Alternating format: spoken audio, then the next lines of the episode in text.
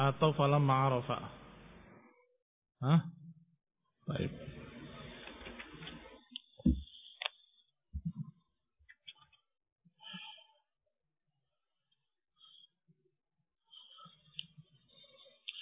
هناك صحابة قتله ابن قمعة الليثي ببنه ولا ابن قمعة الليثي وكان يحمل اللواء dan beliau yang awal memegang bendera. Man huwa? Anta. Siapa? Sahabat yang terbunuh oleh Ibnu Qam'ah dan beliau memegang bendera. Mus'ab Ibn Umair.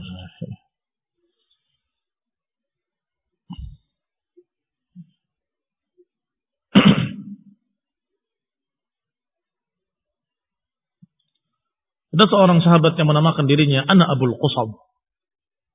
Man huwa? Hah? Kenapa dia menamakan dirinya Abul Qusam?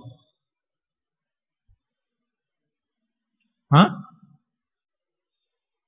Anta? Hah? Kenapa disebut Abul, menyebut dirinya Abul Qusam? Yang? Nah. Hah? Siap bertanding? Kurang tepat. Man, menyujib. Karena menjawab tantangan. Abu Sa'ad ibn Abi Talha yang menantang duel. Apa katanya? Tantangannya apa? Ana qasim man barazani. Dhahra man barazani. Atau man. Aku akan mematahkan punggung orang yang menantang atau yang berduel denganku. Taib kata Ibn anak Abul Qusam. Ya. Anak Abul Qusam. Aku yang memiliki punggung yang siap dipatahkan oleh kamu. Had, ya. Mau tahu? Ya. Ternyata siapa yang terbunuh? Hah? Nah, al musyrik al kafir yang terbunuh. Kenapa Ali radhiyallahu taala meninggalkannya? Dalam keadaan dia baru terjatuh belum terlihat jelas apakah mati atau tidak mati. Nah, karena nah, karena terbuka auratnya. Dan Ali yakin dia akan mati. Tapi ada seseorang, perhatikan sini, jangan ke kitab. Ada seorang sahabat yang membunuh dua orang. Dua orang musyrik, kakak beradik. Dua orang musyrik ini anaknya seorang wanita yang kemudian marah dan berkata, sungguh demi Allah, kalau aku bisa menemui si pembunuhnya, aku akan balas dendamku dan aku akan minum khamr dari batok kepala orang tersebut. Batok kepalanya. Siapa sahabat yang membunuh dua anaknya? Hah? Man? Qasim? Hah? Man? Qasim? Asim, jayid. Asim bukan Qasim. Asim bin Thabit.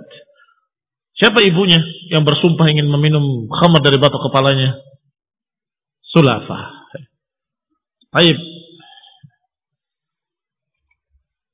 Siapa sahabat yang dijuluki Ghasil? Anta, Brahman. Siapa sahabat yang disebut dengan Ghasilul Malaikah? Apa artinya ghusilil malaika? Hah? Yang dimandikan oleh malaikat. Man huwa? Hah? Hamdalah. Kenapa dijuluki ghusilil malaika? Jadi ketika ada panggilan perang, dia belum sempat mandi junub. Langsung berangkat bersama Rasulullah SAW berperang. Maka Rasulullah SAW tahu dari Allah Subhanahu ketika diperlihatkan oleh Allah bahwa dia dimandikan oleh malaikat. Rasul al-malaikah.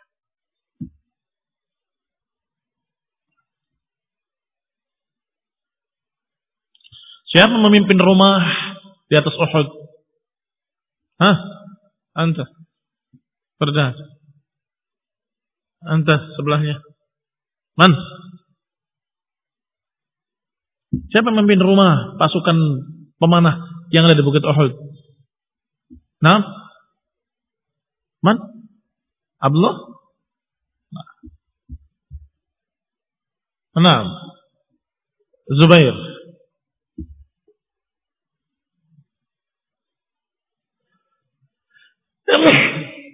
Alhamdulillah.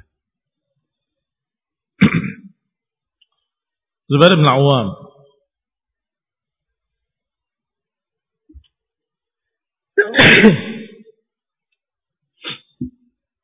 Baik kita mulai dari poin sebelumnya. Yaitu kalimat wa kana awwalu man arafa. Iftahul kitab. Bismillah.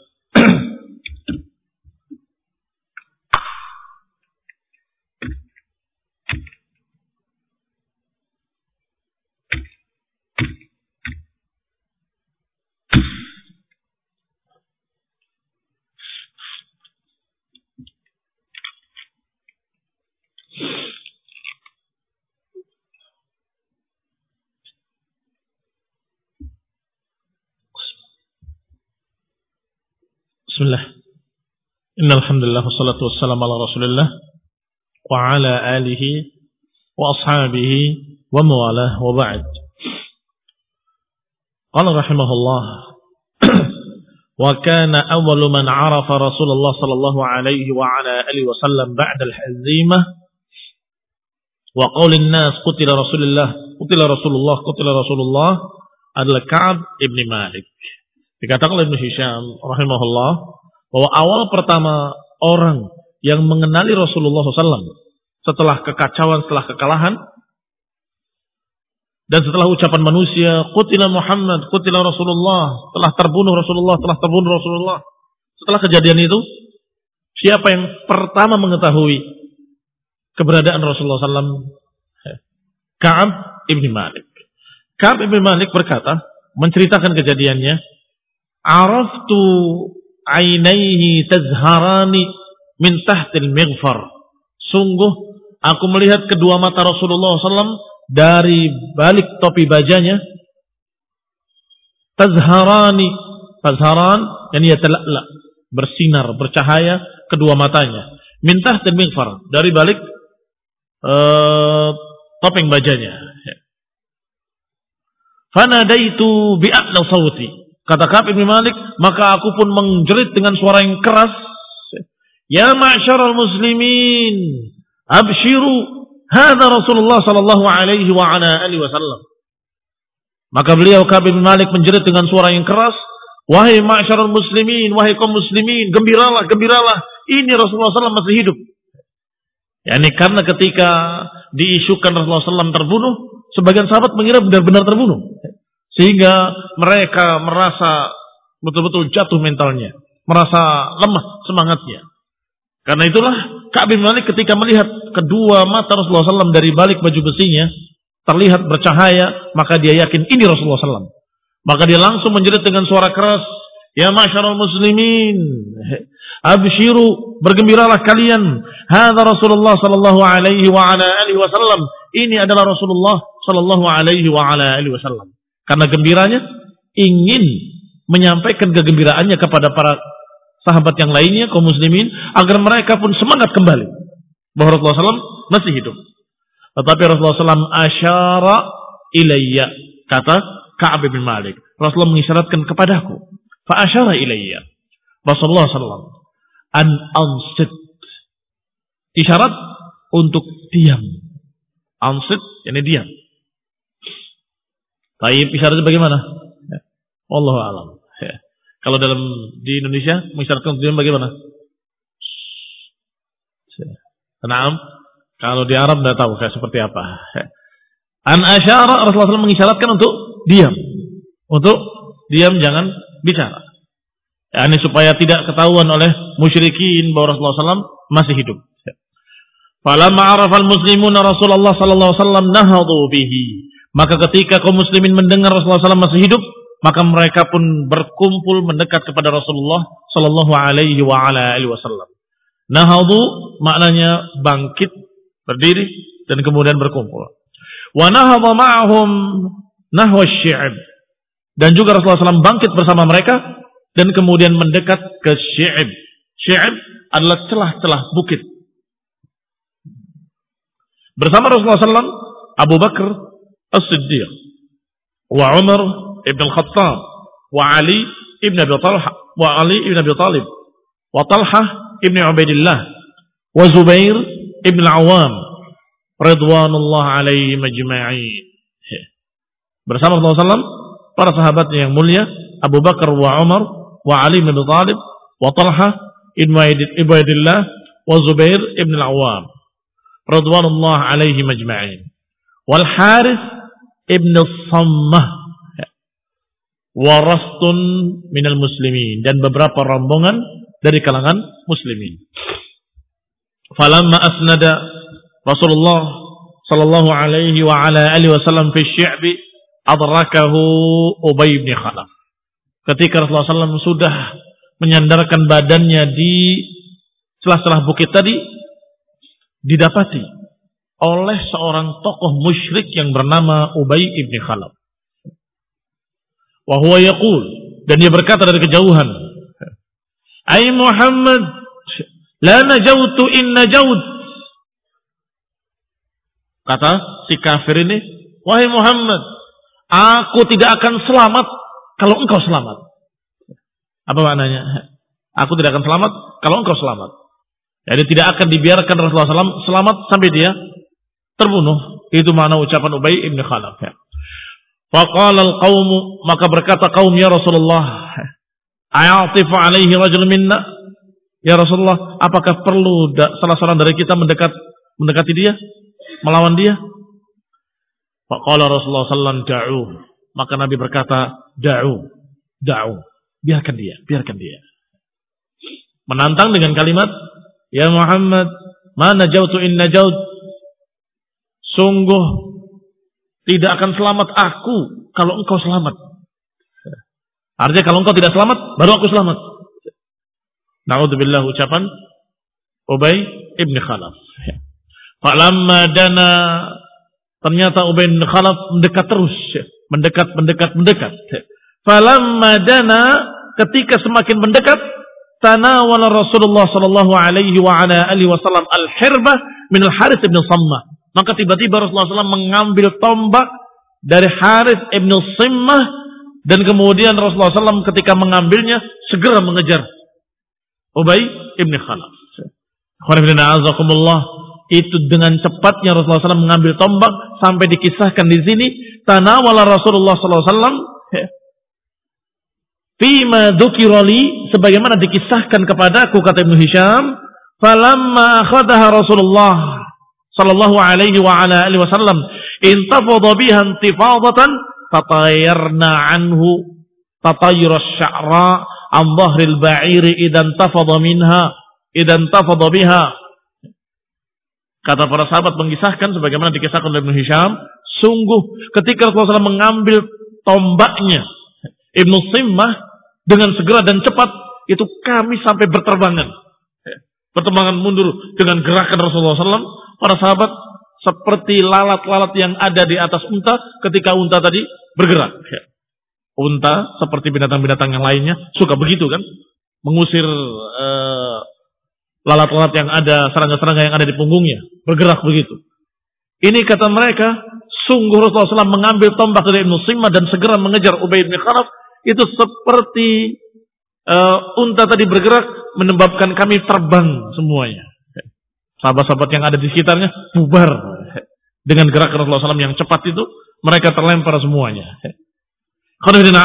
Ini satu-satunya Rasulullah SAW membunuh orang kafir. Beliau bangkit dengan segera dan kemudian beliau menombak atau menikam Ubay bin Khalaf yang berada di atas untanya. Qala thumma istaqbalahu fata'anahu. Maka Nabi mengejar Ubay bin Khalaf fata'anahu kemudian menikamnya dengan tombaknya fi unuqihi di lehernya.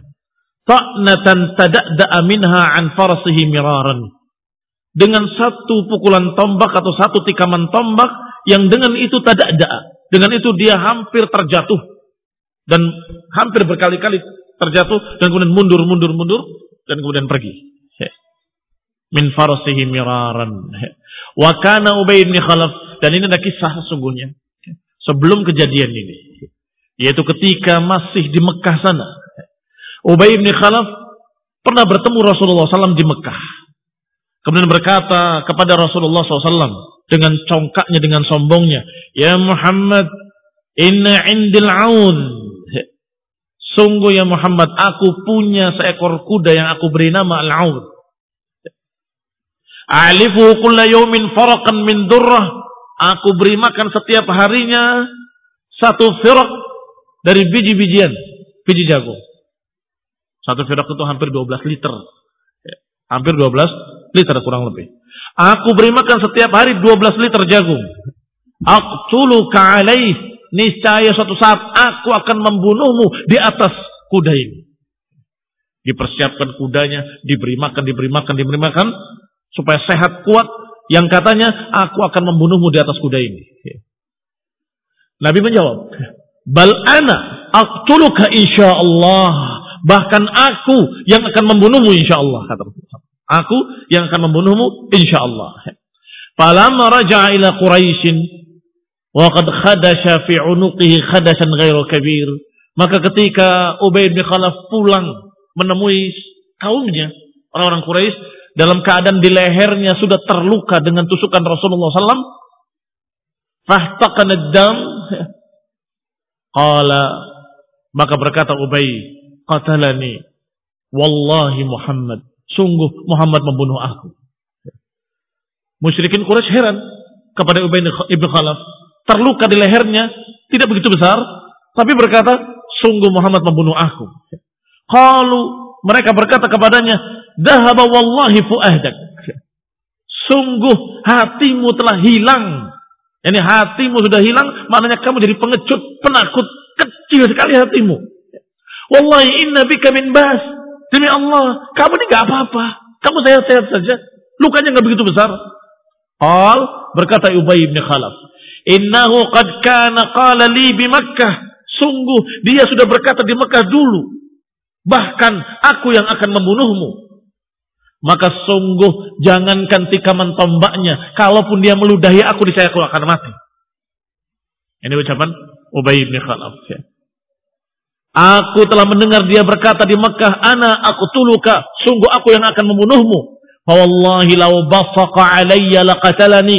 Sungguh demi Allah, kalau saja dia meludahi aku, niscaya aku akan mati. Apa artinya? Artinya musyrik kafir itu sungguhnya hati kecilnya tahu. Kalau ini bukan orang biasa. Hati kecil mereka tahu. Kalau Rasulullah SAW bukan manusia biasa. Seorang yang diutus oleh Allah. Seorang yang dipilih oleh Allah. Seorang yang memiliki mu'ajizah. Orang yang istimewa. Yang ucapannya hak. Di Mekah waktu itu ketika dia memelihara kudanya, membesarkan kudanya, sampai dia berkata kepada Allah SAW, aku akan membunuhmu dengan kuda ini.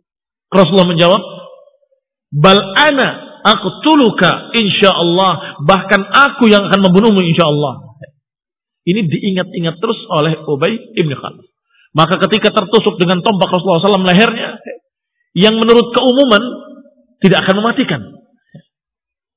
Ternyata akhirnya mati. Ya. Ubay ibn Khalaf di desa yang bernama Sarif. Ya. Terjatuh dia, terbunuh. Ya. Famata aduwullahi bisaraf atau bisarif. Maka terbunuhlah musuh Allah ini di desa yang bernama Sarif. Wahum qafiluna bihi ila Mekah ketika pulang ke Mekah. Demikian akan azakumullah kaum muslimin saya hormati.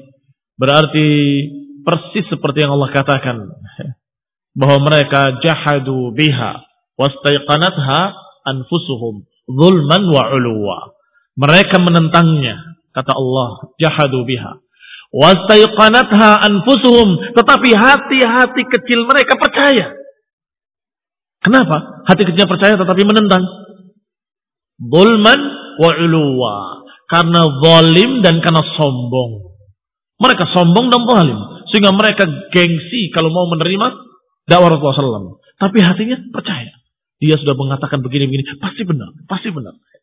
Sehingga ketika dia tertikam, tertombak di lehernya, dia berkata, Qatalani Muhammad, sungguh dia membunuhku, dia membunuhku. Kata teman-temannya, kamu jadi hatinya jadi kecil sekali. Kenapa?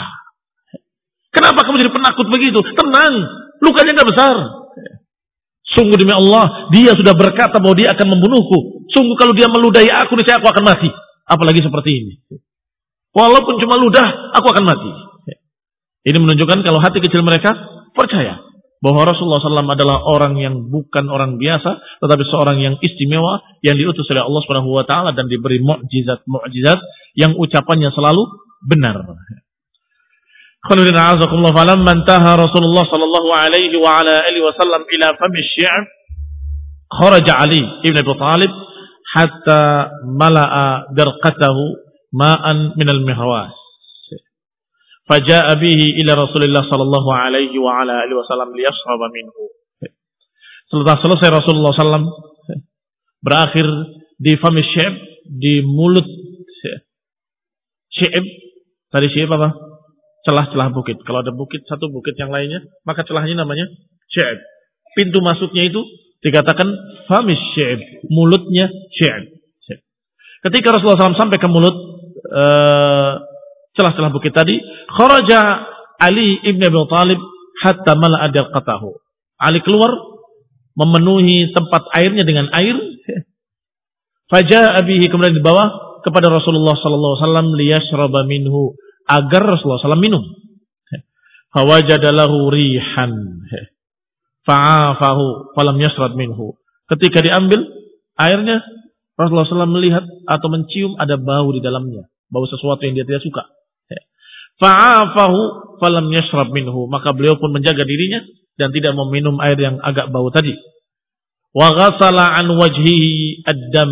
Kemudian Rasulullah SAW mencuci badannya dan mencuci darahnya wasabba ala ra'sihi dan kemudian dituang air tadi ke kepalanya wa huwa yaqul dan kemudian berkata istadda ghadabullahi ala man damma wajha nabiyih sungguh keras kemurkaan Allah kepada orang-orang yang melukai nabi mereka ini seperti sebagaimana diriwayatkan dalam lafaz-lafaz lain ma'aflaha qaumun syajju nabiyahum sungguh enggak akan falah seorang yang melukai nabi mereka sendiri.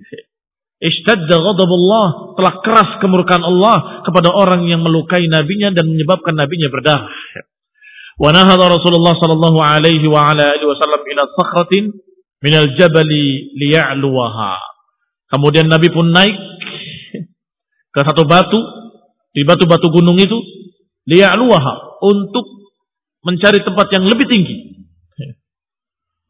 Waqad kana baddana Rasulullah sallallahu alaihi wa ala alihi wasallam. Sedangkan Rasulullah SAW saat itu dalam keadaan badana, badana sudah semakin berumur dan sudah semakin gemuk. Wa maka tampaklah Rasulullah SAW di antara dua pakaian perangnya, pakaian yang di atas dan pakaian yang di bawahnya. Falamma dhahaba Liannahu sallallahu alaihi wa ala alihi lam yastati'. Ketika Nabi ingin naik, naik lagi untuk yang lebih tinggi, beliau tidak mampu. Fajalasa tahtahu. Kemudian beliau duduk di bawahnya. Fajalasa tahtahu Talhah ibnu Ubaidillah fanahadha bihi hatta stawa 'alaiha. Maka kemudian naiklah Talhah atau duduklah Talhah di bawahnya. Di bawah Rasulullah SAW. Dan kemudian mengizinkan Rasulullah SAW untuk menaikinya menaiki tolha untuk naik ke atas batu tersebut. Hatta stawa alaiha sehingga Rasulullah SAW berhasil naik di atas batu tersebut. Faqala Rasulullah SAW yauma idin aujaba talhah aujaba. Maka Nabi pun menyebutkan aujaba talhah. Sungguh pantas bagi talhah. Sungguh mesti bagi talhah. Apa maknanya mesti bagi talhah? Ya ini mesti baginya jannah.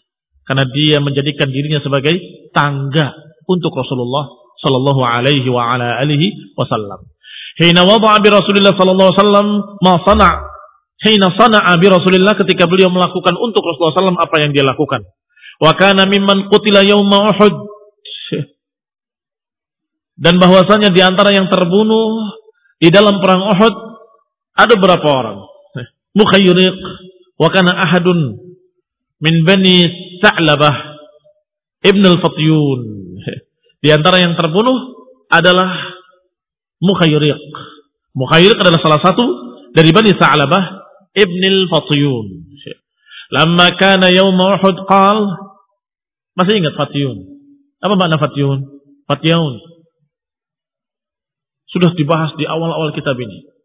Fatiyun adalah julukan bagi tokoh agama Yahudi. Sehingga Mukhairik yang terbunuh ini adalah anak dari Bani Sa'labah merupakan turunan tokohnya dari tokoh pendeta Yahudi. Lama kana yawm Uhud, ketika pada perang Uhud dia berkata, "Ya ma'syar Yahud, wallahi laqad alimtum inna nasra Muhammadin alaikum lahaq." Mukhairik berkata kepada kaum Yahudi di dalam perang Uhud atau ketika perang Uhud, di awal-awal perang Uhud. Berkata kepada Yahudi, Ya ma'syara Yahud, wahai golongan Yahudi, demi Allah kalian sudah tahu bahwa membela Muhammad SAW atas kalian merupakan kewajiban. Karena dia turunan uh, tokoh agama, mengerti tentang hukum-hukum dan apa-apa yang di dalam kitab-kitab Yahudi. Ini kitab Taurat, walaupun ada perubahan-perubahan, tetapi masih banyak perkara-perkara yang di sana yang hak maka kata dia, kalian tahu wahai Yahudi, kalian membaca bahwa membela Nabi terakhir ini wajib hukumnya atas kalian. Kalau mereka menjawab, para Yahudi menjawab, Innal yawma yawma sabt. Hari ini kan hari Sabtu katanya. Qala la sabta lakum. Kata Mukhayriq, enggak ada Sabtu bagi kalian. Enggak ada Sabtu-Sabtuan lagi sekarang. Ya ini Nabi terakhir ini syariatnya membatalkan syariat nabi-nabi sebelumnya. Dan itu sudah diketahui pula oleh mereka bangsa Yahudi khususnya tokoh-tokoh agamanya. Maka kata Mukhairid, nggak ada sabtu-sabtuan lagi sekarang. La sabtalakum fa'akhadha sayfahu wa'uddatahu. Maka Mukhairid mengambil pedangnya, mengambil persiapannya dan kemudian bergabung bersama Rasulullah sallallahu alaihi wa ala alihi wasallam. Waqal dia berkata, "In usibtu Famali li Muhammad yasna fihi ma sya'a. Kalau aku terbunuh, maka hartaku seluruhnya untuk Muhammad sallallahu alaihi wasallam. Yasna fihi ma sya'a untuk dipakai apa pun yang dia sukai. Demikian wasiat dari Mukhairiq. Kalau aku terbunuh, maka hartaku untuk Nabi Muhammad SAW dipakai olehnya untuk apa pun kebutuhannya, apa pun keperluannya, dan untuk Islam. Thumma ghada ila Rasulullah SAW. Kemudian berangkatlah menuju Rasulullah SAW. Faqatala ma'hu hatta qutila. Maka berperanglah beliau bersama Rasulullah SAW sampai kucil, sampai terbunuh. Berarti di antara yang terbunuh dalam perang Uhud adalah Mukhairiq.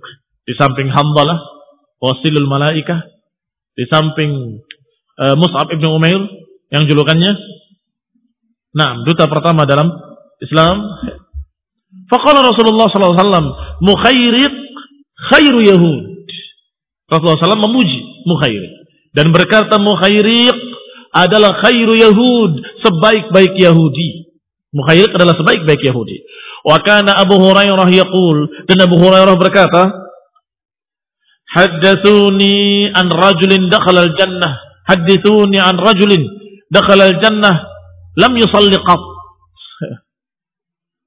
Fa idza lam ya'rifhu an-nas sa'aluhu man huwa fa yaqulu usayrim ibni abdul ashhal amr ibni thabit ibni waqash dan Abu Hurairah suka bertanya hadithuni suka uh, ngetes ilmu atau tanya-tanya ilmu.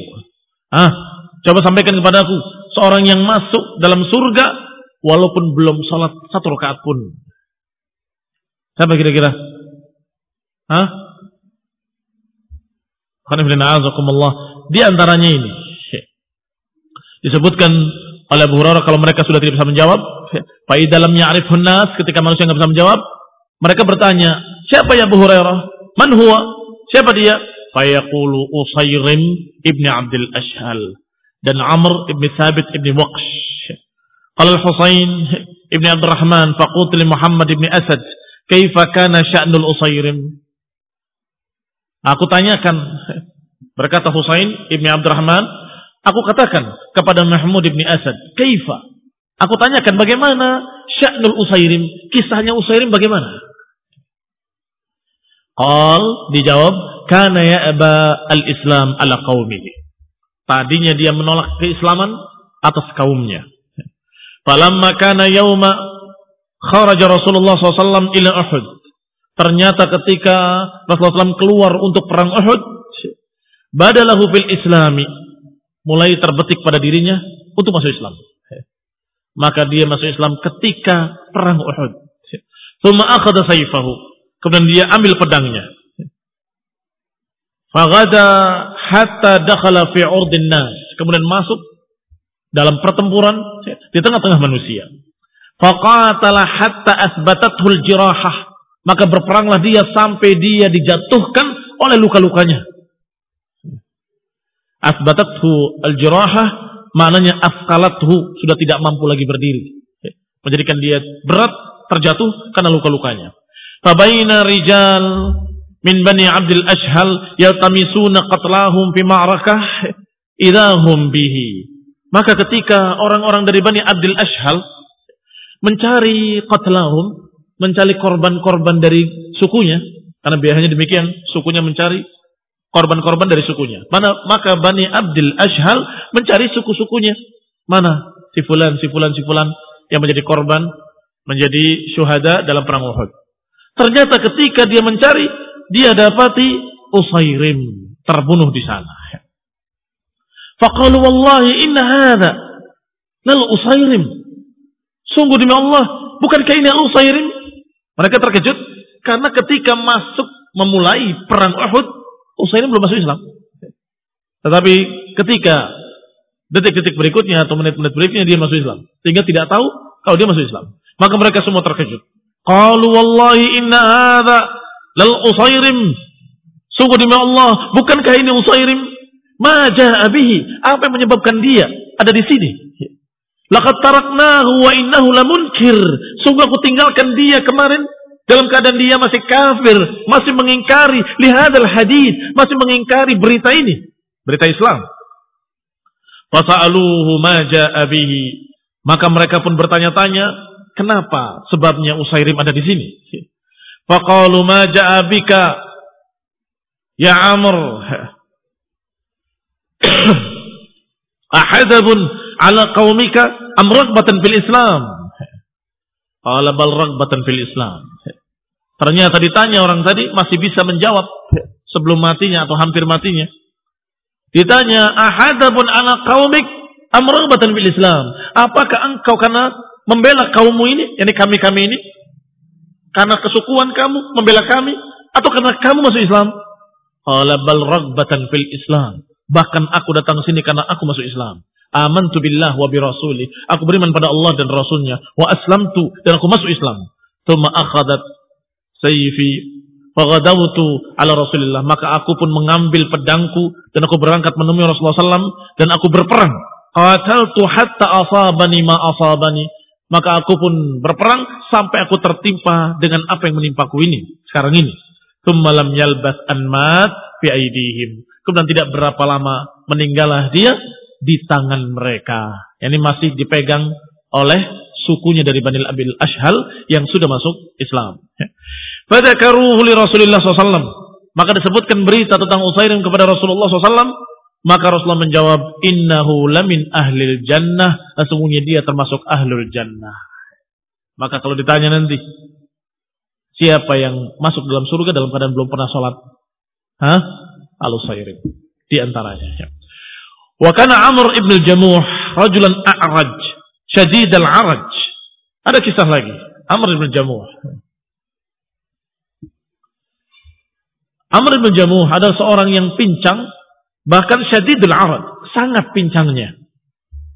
Wa kana lahu banun arba'ah. Dan dia memiliki empat anak laki-laki. Mislal asad. Anak laki-lakinya semuanya seperti singa. Berani-berani semuanya. Yashhaduna ma Rasulullah SAW al-masyahid.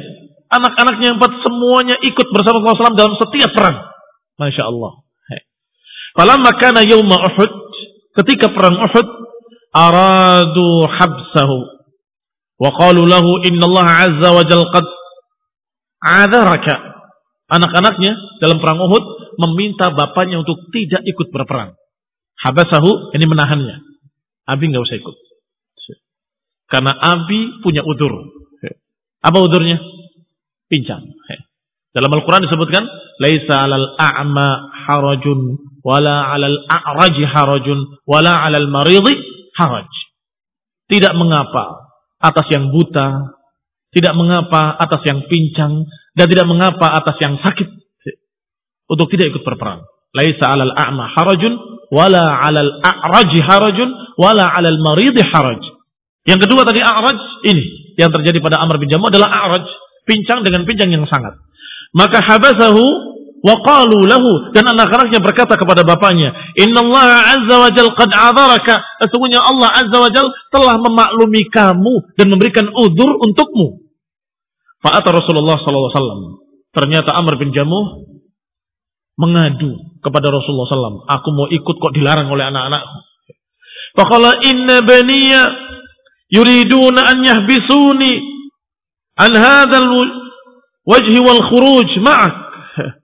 Ya Rasulullah, sesungguhnya anak-anakku menginginkan untuk menahan aku, melarang aku untuk berangkat di sisi kemuliaan ini dan keluar berperang bersamamu. Wallahi inni la arju an ata'a bi'arjati bi'arjatani hadhihi fil jannah. Sungguh aku sangat ingin untuk menginjak dengan kaki pincangku ini surga. Ya Rasulullah aku ingin menginjakkan kaki pincangku ini ke surga. Bi arjati. Ini arajnya, kepincangannya. Aku ingin menginjakkan kaki pincangku ini ke dalam surga. Faqala Rasulullah SAW, Ama anta faqad azarakallahu fala jihada alaih. Rasulullah menjawab, Adapun engkau, maka Allah telah memberikan udur kepadamu karena kamu dalam keadaan memiliki cacat.